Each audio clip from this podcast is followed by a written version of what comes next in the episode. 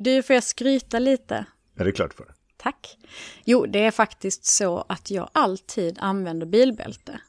Ja, är det något att skryta över? Ja, och jag kör aldrig mot rött. Nej, det hoppas jag verkligen inte. Nej. Och jag misshandlar aldrig någon. Nej, det hoppas jag inte heller. Nej. Du kanske undrar lite vad jag sysslar nu, varför jag skryter om Ja, det det här. känns inte som att det var något vidare bra skryt. Nej, men jag skryter om att jag följer lagen. För att någonting som jag får höra rätt ofta, det är den här meningen. Jag källsorterar.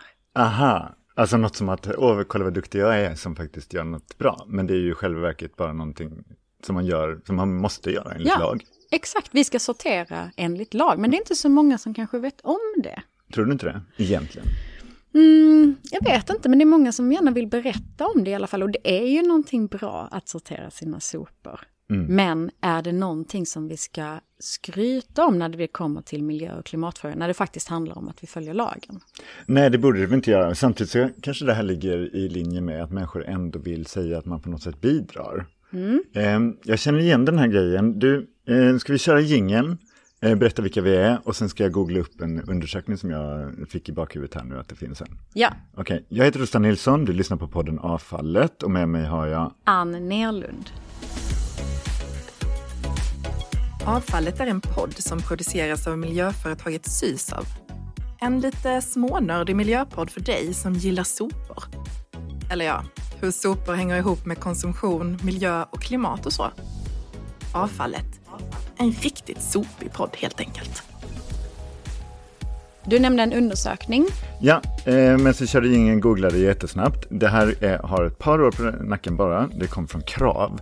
Och det var att man eh, undersökte svenskarnas oro för klimatförändringarna. Och det är ju faktiskt så att vi oroar oss för klimatförändringarna. Absolut. Och i den här undersökningen så, så kollar man också vad uppgav konsumenten själv att man gjorde för att faktiskt minska sin egen klimatpåverkan. Det tyckte jag var jättespännande. Eh, du ska få gissa nu eh, på vilken plats sopsortering då kom på saker som man fick lista som man gjorde som var bra för klimatet. Mm, den vet jag faktiskt kommer på första plats. Ja, när svensken själv får lista eh, vad man tror har störst påverkan på klimatet, då, tror du sopsortering kommer lika högt upp då? Nej, det tror jag inte. Men jag, eh, jag har ingen aning om på vilken plats den kommer. Nej, bra. Då kollar vi upp det här. Nu ska vi se. Du hade helt rätt med att utav de tio vanligaste åtgärderna som svenskarna gör i sin vardag för att leva mer klimatsmart så kommer nummer ett, jag källsorterar. Jag tror att det var så typ 89 procent som, som sa det som första åtgärd. Sen kommer jag slänger inte lika mycket mat och jag väljer ofta... eh, Inte svensk- lika mycket mat. Jag Mm, slänger, gör jag slänger mat. Ja men det gör vi, vi slänger ju Ja. mat. Vi, det kanske är några riskorn kvar på tallriken va? Så vi slänger ju alltid mat. Mm. Och sen nummer tre, det är att köpa svenskt och närodlat. Fyra, vara mer sparsam med, med el och leva mer energieffektivt. Mhm. Och nummer fem, välja ekologiskt och kravmärkt och så vidare. I, ingenstans på topp 10-listan är till exempel att flyga mindre. Nej, just det. Men- Eller att vara vegan. Ja, precis. När då svenskarna får frågan istället, vad tror de är, är de viktigaste åtgärderna för att minska sin klimatpåverkan? Då är nummer ett, kan du gissa det? Eh, mm, nej, Det är att minska sin konsumtion. ja, då okej. Så folk vet om det. Det är skönt. Eh, och det är bra, för det kommer vi prata lite mer om idag. Vi kommer prata lite om det här konsumtion, kopplat till det enorma prylberg som vi alla har hemma. Va? Vi ska ju snacka om prylberget. Ja, som vi nämnde i förra avsnittet så var jag med i Prylberget, avsnitt två om textil. Ja, Prylberget är ett program som går, ligger både på SVT Play och, och ur.se nu. Play, ur Play, eller vad man nu säger.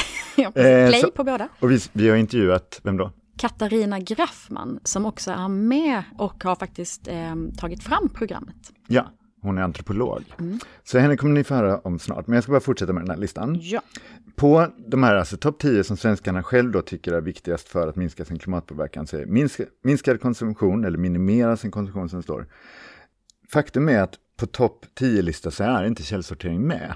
Nej, Eh, man vet ju att det här kanske inte har den absolut största påverkan jämfört med hur vi äter, hur vi bor, hur vi reser. Mm. Ändå så sätter man själv det som nummer ett. Därför mm. att det är ju naturligtvis jättelätt att göra. Och det är ju dessutom att bara följa lagen. Exakt. Det är ju någonting vi måste göra. Mm. Sluta skryta om att vi källsorterar. Vi måste källsortera enligt lag och det är klart att vi ska källsortera. För att Vadå? Jag sparar det... på naturresurser och ja. det är en enkel åtgärd. Du kommer ju ändå behöva slänga det så det är bara att du lägger det någon annanstans. Ja, precis. Lägg det i det ena facket framför det andra. Mm. För det ska vi bara göra. Det är lag på det och det är ett jättelätt sätt att bidra. Men det är inte det som kommer rädda världen, utan det handlar också om att se till de lite större systemen. Det här systemtänket är ju jätteviktigt. Eh, vi pratar mycket individ och beteende och vad vi som kan göra som enskilda individer. Mm. Men, men när systemet är riggat för ett annat slags liv, alltså ett ganska mer ohållbart konsumtionsbeteende till exempel, mm. då blir det ju väldigt, väldigt svårt när jag som individ ska bryta mot det. Mm. Därför att vi är ju sociala varelser, vi ingår i en grupp, en kultur, och en struktur eller en kontext. Ja, och det är oftast, vad det gäller att kalla det. Och det är oftast enklare att bara göra som alla andra. Ja, det är mycket enklare att göra som andra. Och det är mycket enklare att göra som jag gjorde igår också, det vill säga så som jag gör det mesta utav gammal vana. Vad gjorde du igår? Nej men du fattar liknelsen igår. det jag gjorde igår gör jag idag för att det är en gammal vana. Ja. Och i förrgår och i förrgår ska jag. Ja, du fattar. Okay. Jag trodde ja. att du skulle komma med någon anekdot.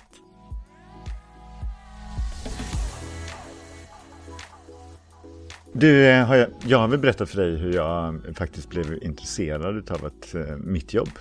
Jag hade ju jobb på Sysav utan att vara egentligen jätteintresserad av jobbet från början. Mm. Har jag berättat det? Mm, ja, fast jag är lite osäker på nu när du säger det så här. Okej, okay. ja, men det var så att jag jobbade på timmar från början bara precis av, mm. eh, och var ute i skolor och pratade om sopor. Eh, på liksom timbasis. Satt hemifrån och bokade in mig på skolor och skickade bara in räkningen till SYSAV att nu har jag varit tre timmar från den här skolan och snackat sopor och så fick jag pengar till SYSAV. Det här gjorde jag enbart för att jag ville få in pengar lite enkelt mm. vid sidan om allt annat jag ville göra för då höll jag på att jobba med kultur. Mm. Eh, och det var jättesvårt att leva på, på, på kultur. kultur. Ja, särskilt när man inte hade någon särskild talang, vilket jag inte har. Eh, så jag behövde helt enkelt extra stålar och det var därför jag började jobba på SYSAV och då var jag ute i skolor och snackade och så kom jag ut i en, i en årskurs eh, fyra, mm. alltså nummer tio år mm. i den här klassen och, skulle, och snackade sopor. Vi hade kommit ganska långt i lektionen, snackade om farligt avfall. Och vi pratade kvicksilver och hur kvicksilver inte försvinner utan bara liksom rör sig med ekosystemen och hamnar till slut i oss och förstör våra centrala nervsystem, det vill säga våra hjärnor. Mm. Eh, och då var det en elev som hade... Bullkastrull kan jag ju säga. Det Kring det. Ja, men vi pratade om farligt avfall helt mm. enkelt, vad vi kan ställa till med. Och då var det en elev, en kille som räckte upp handen och frågade en jättebra fråga så här. Men eh, varför har man då kvicksilver i grejer ifall det nu är så farligt? Mm. Exempel, det är ju en jättebra fråga. Det är en jättebra fråga. Mm. Och den var ju tillräckligt bra för att jag skulle vända den tillbaka till klassen och, mm. och, och se vad de skulle svara på den. För mm. det tycker jag man ska göra med de här bra frågorna och höra liksom vad... Tankar kring det. Precis. Mm. Och då var det en tjej som räckte upp handen. Mm. Eh, och vad hon svarade fick mig att bestämma mig för att det här vill jag jobba med. Mm. Så, håll i hatten nu. Och hon pratade ganska bred skånska som jag minns det, så jag ska härma skånska för det låter mycket bättre på skånska. Så, jag ställer frågan, varför har man då kvicksilver i saker ifall det nu är så farligt? Och då svarar hon, ja, jag skulle säga att det är tudelat svar på den frågan. tudelat? Vilken tioåring använder det uttrycket? Nu blir jag jättenyfiken. Jaha, så, så okej, okay, vad är första delen i svaret då? Ja, det var en fråga om effekt. Och då fick jag tänka lite som är lite träg. Jaha, det funkar menar hon. Ja, det funkar. Vi stoppar in kvicksilver till exempel lysrör för att då, då lyser lysrören. Man är ute efter effekten av kvicksilvret. Mm. Det är därför vi använder det, självklart. Mm. Ja, ja, det var jättesmart svar. Så här. Vad är andra delen då? Och la hon huvudet lite på sned och så sa hon, ja, det är väl gammal vana. Skulligt. Och det tycker jag att hon har sammanfattat yeah. eh, faktiskt vad det handlar om så många gånger. Mm. Det funkar, så har vi alltid gjort. Mm. Eh, men det funkar inte längre. Vi kan inte leva våra liv som vi gör nu. Det säger den senaste IPCC-rapporten om klimatförändringarna. Vi måste göra någonting nu. Vi har typ bara 36 månader på oss att verkligen bara, uh, nu annars är vi körda, mm. typ. Nu ska vi inte bli alltför deppiga här, men eh, det är bråttom och mm. vi måste bryta vanor. Mm. Och det är så jäkla svårt. Och det tyckte jag att det här programmet som vi ska snacka om nu, Prylberget, mm. kommer in på så himla bra. Hur vi ska granska våra liv och hur vi lever våra liv. Ja. Men också vad som är fel på systemet och vad som motarbetar det.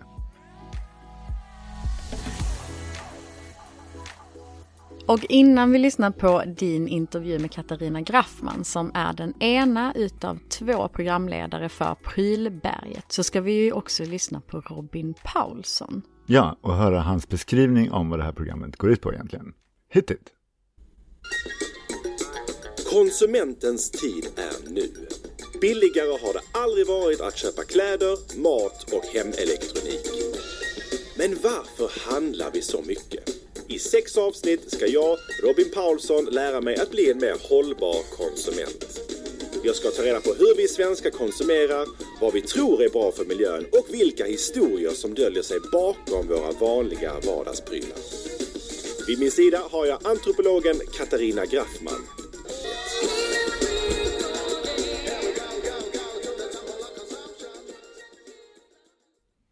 Tack Robin. Eh, nu tycker jag att vi kan väl lyssna på eh, intervjun med Katarina Graffman. Men nu ska du få först eh, presentera henne. Vem är hon? Katarina Graffman är doktor i antropologi, författare och debattör. Och programledare för Prylberget.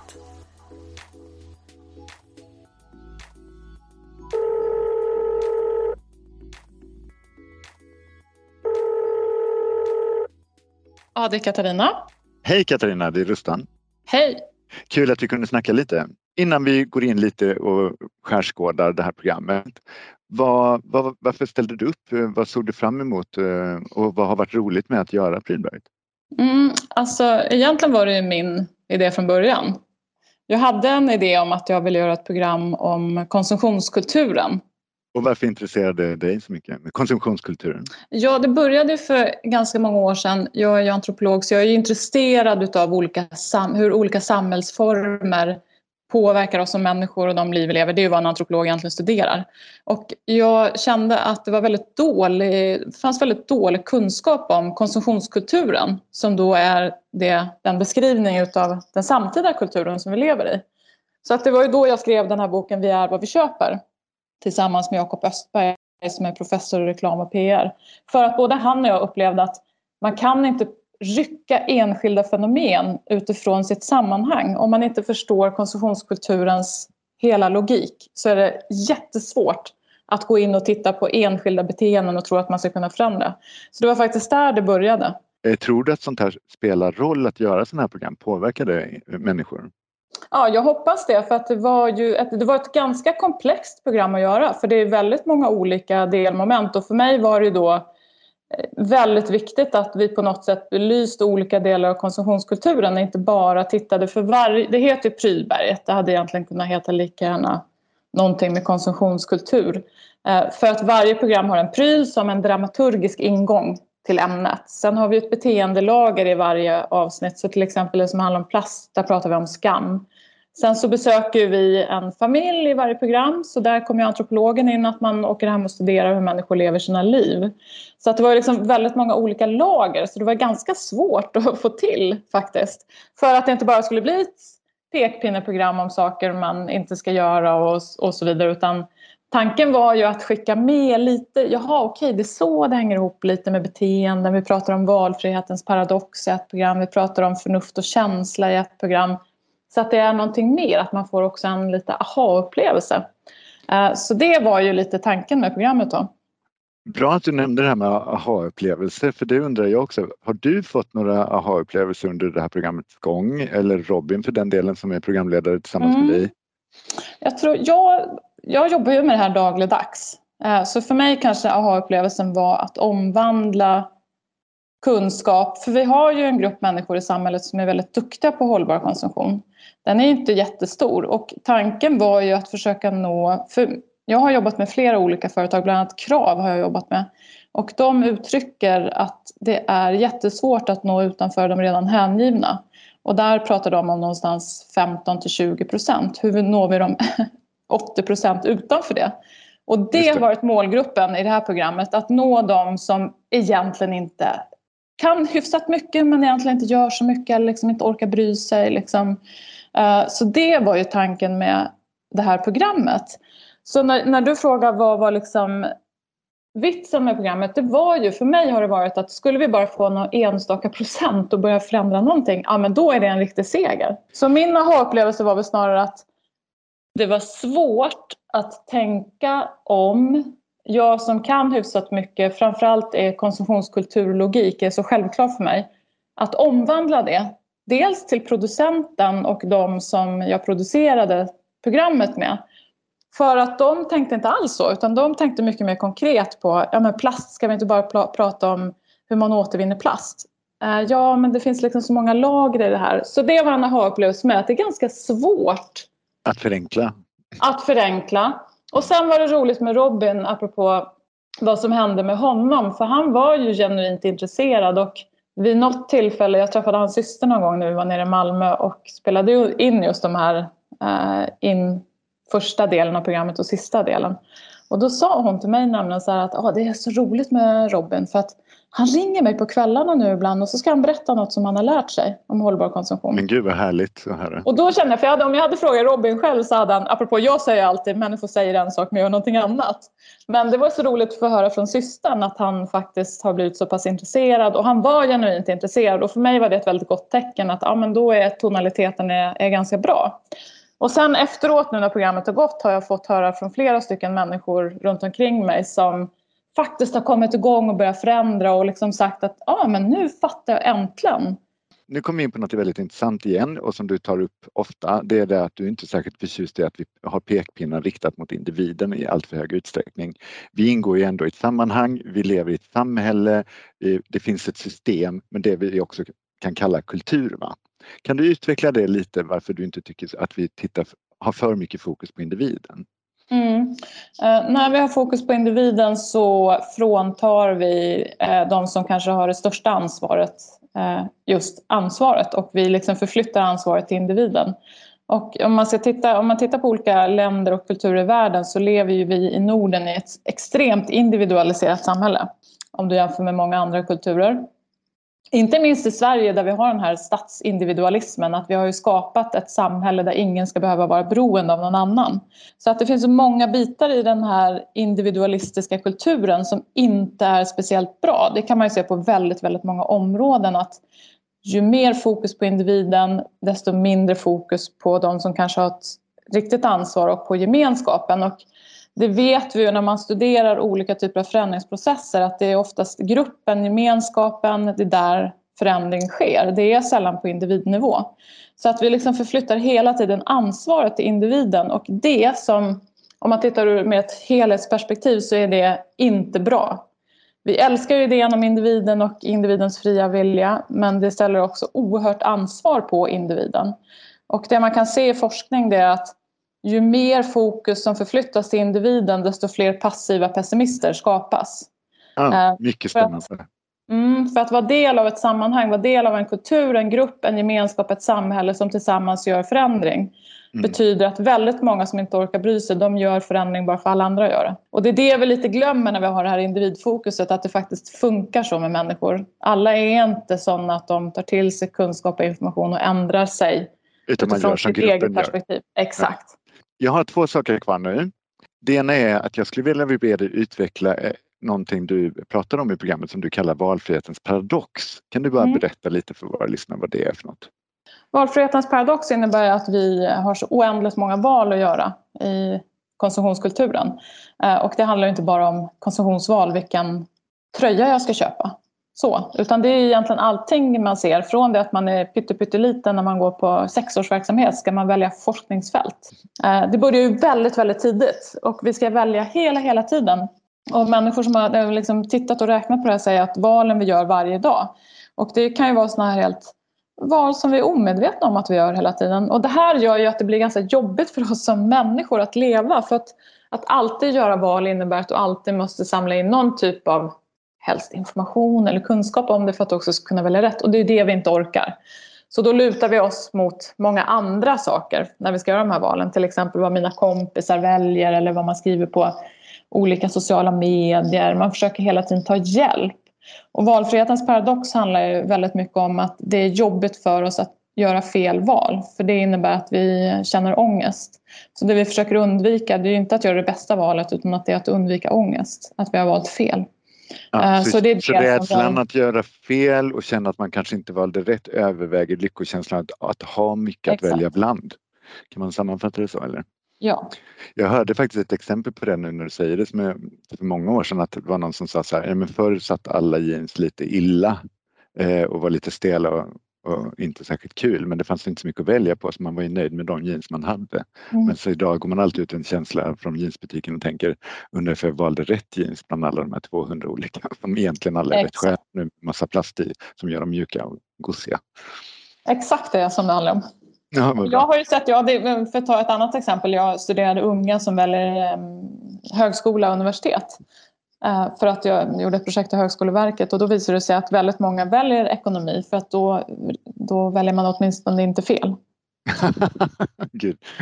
Ja, det var ju ett jättebra exempel. Mm. Eh, avslutningsvis, vi, är ju, som, vi gör ju en podd som syftar ju till naturligtvis att eh, inspirera och kommunicera de här frågorna men, men slutmålet är ju ändå att vi ska få till stånd en beteendeförändring hos de som lyssnar, att bli mm. mer hållbara.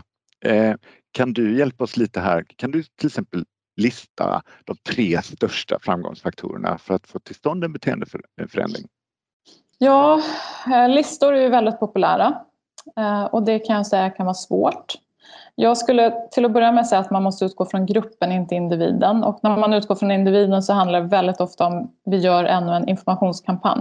Eh, när man ska då prata om gruppen istället för individen så kan ju det första då som jag tror att väldigt många behöver förstå och lära sig det är att vi förändrar inte med ännu mer information och kunskap. Det har vi provat.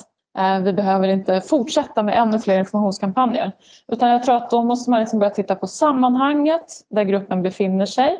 Man kan jobba med nudging eh, som nu är ändå eh, ett väletablerat verktyg för att förändra människor. Som att de inte hela tiden måste tänka på vad de gör. För nudging handlar väldigt mycket om att man knuffar människor i rätt riktning och då gör människor det här omedvetet.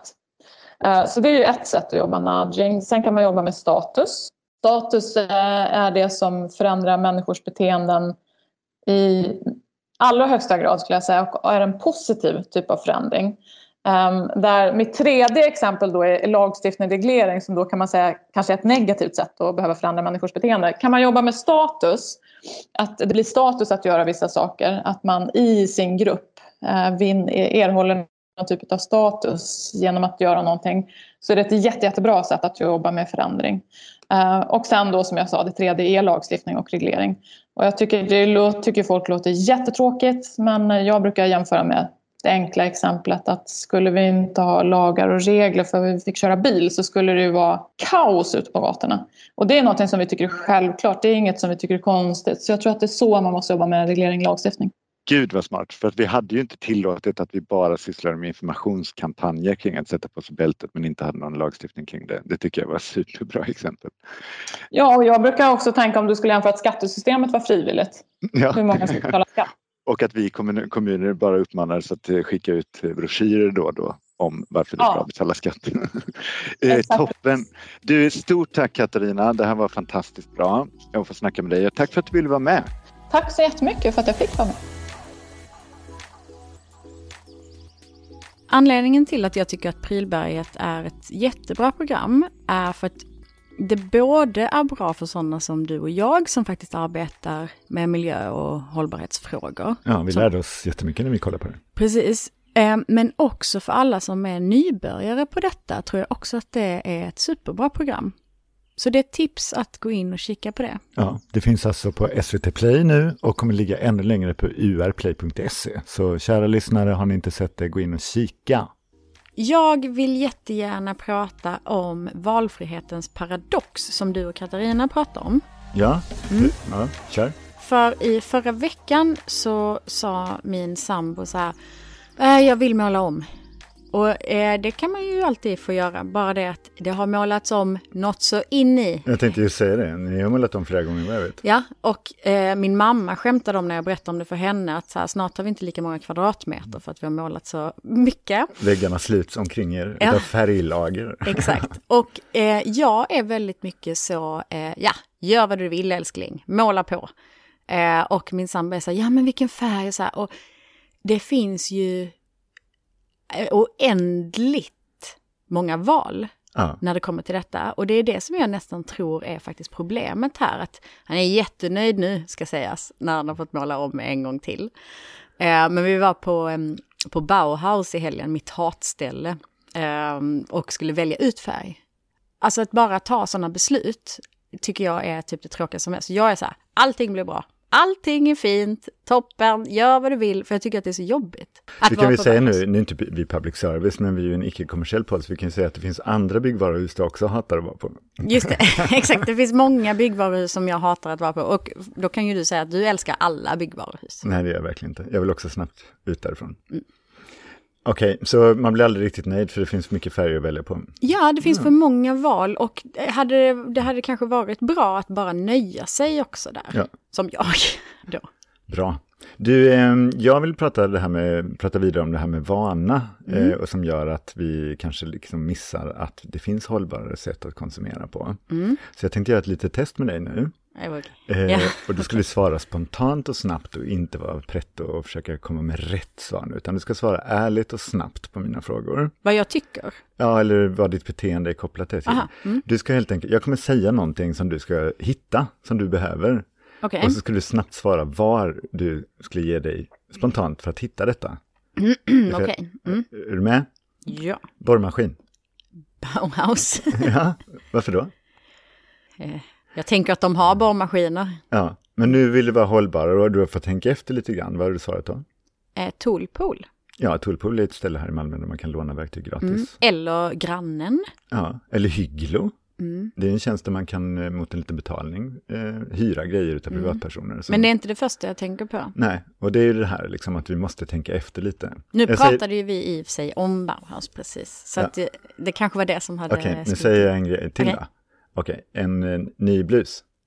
Eh, Facebook Marketplace. Ja, för det är där faktiskt du har etablerat en ny vana att kolla Ja, kläder. och det hade jag inte svarat för fem år sedan. Då hade jag sagt uh, valfri kedja i stan, typ. Precis. Mm. Men där har ju du etablerat en ny vana. Ja, Men eh, det kräver ju också att det är flera som gör likadant. För att det hade bara varit du så hade det varit väldigt tomt på Facebook Marketplace. Det hade Ja. inte le- legat några blusar där ute för dig att köpa. nej. Så vi måste ju fortfarande göra det som ett kollektiv. Alltså vi måste etablera nya vanor som flera håller på med. För att annars tror jag att det är för svårt eller helt enkelt omöjligt. Absolut. Eh, vill vi snacka om något mer idag? Var, var testet eh, slut nu? Så jag kan slappna av? Ja, du kan slappna av nu. Mm. Vi kör inte fler. Okej, är vi klara nu? Är vi färdiga med den här podden? Eh, jag tror vi har glömt en grej, va? Eh, ja, just det. Vi har ju ett av de mest populära stående inslagen kvar. Eh, Marias hållbarhetstips. Så det kör vi nu. Visste du att flera vanliga rengöringsmedel räknas som farligt avfall? Om de går ut i avloppet riskerar de att hamna i vattendragen eftersom reningsverken inte kan ta hand om alla kemikalier. Titta i skafferiet istället. Sura livsmedel som ättika, vinäger och citron till exempel är bra för att lösa kalkfläckar som ofta finns i badrummet eller för att kalka av kaffebryggaren medan bikarbonat fungerar bra på fettfläckar på till exempel kläder. Några som har full koll på smarta husmorstips är Instagramkontona Ekotipset och Husmorstipset. Spana in dem och följ förstås Sysa på Instagram för fler hållbara tips.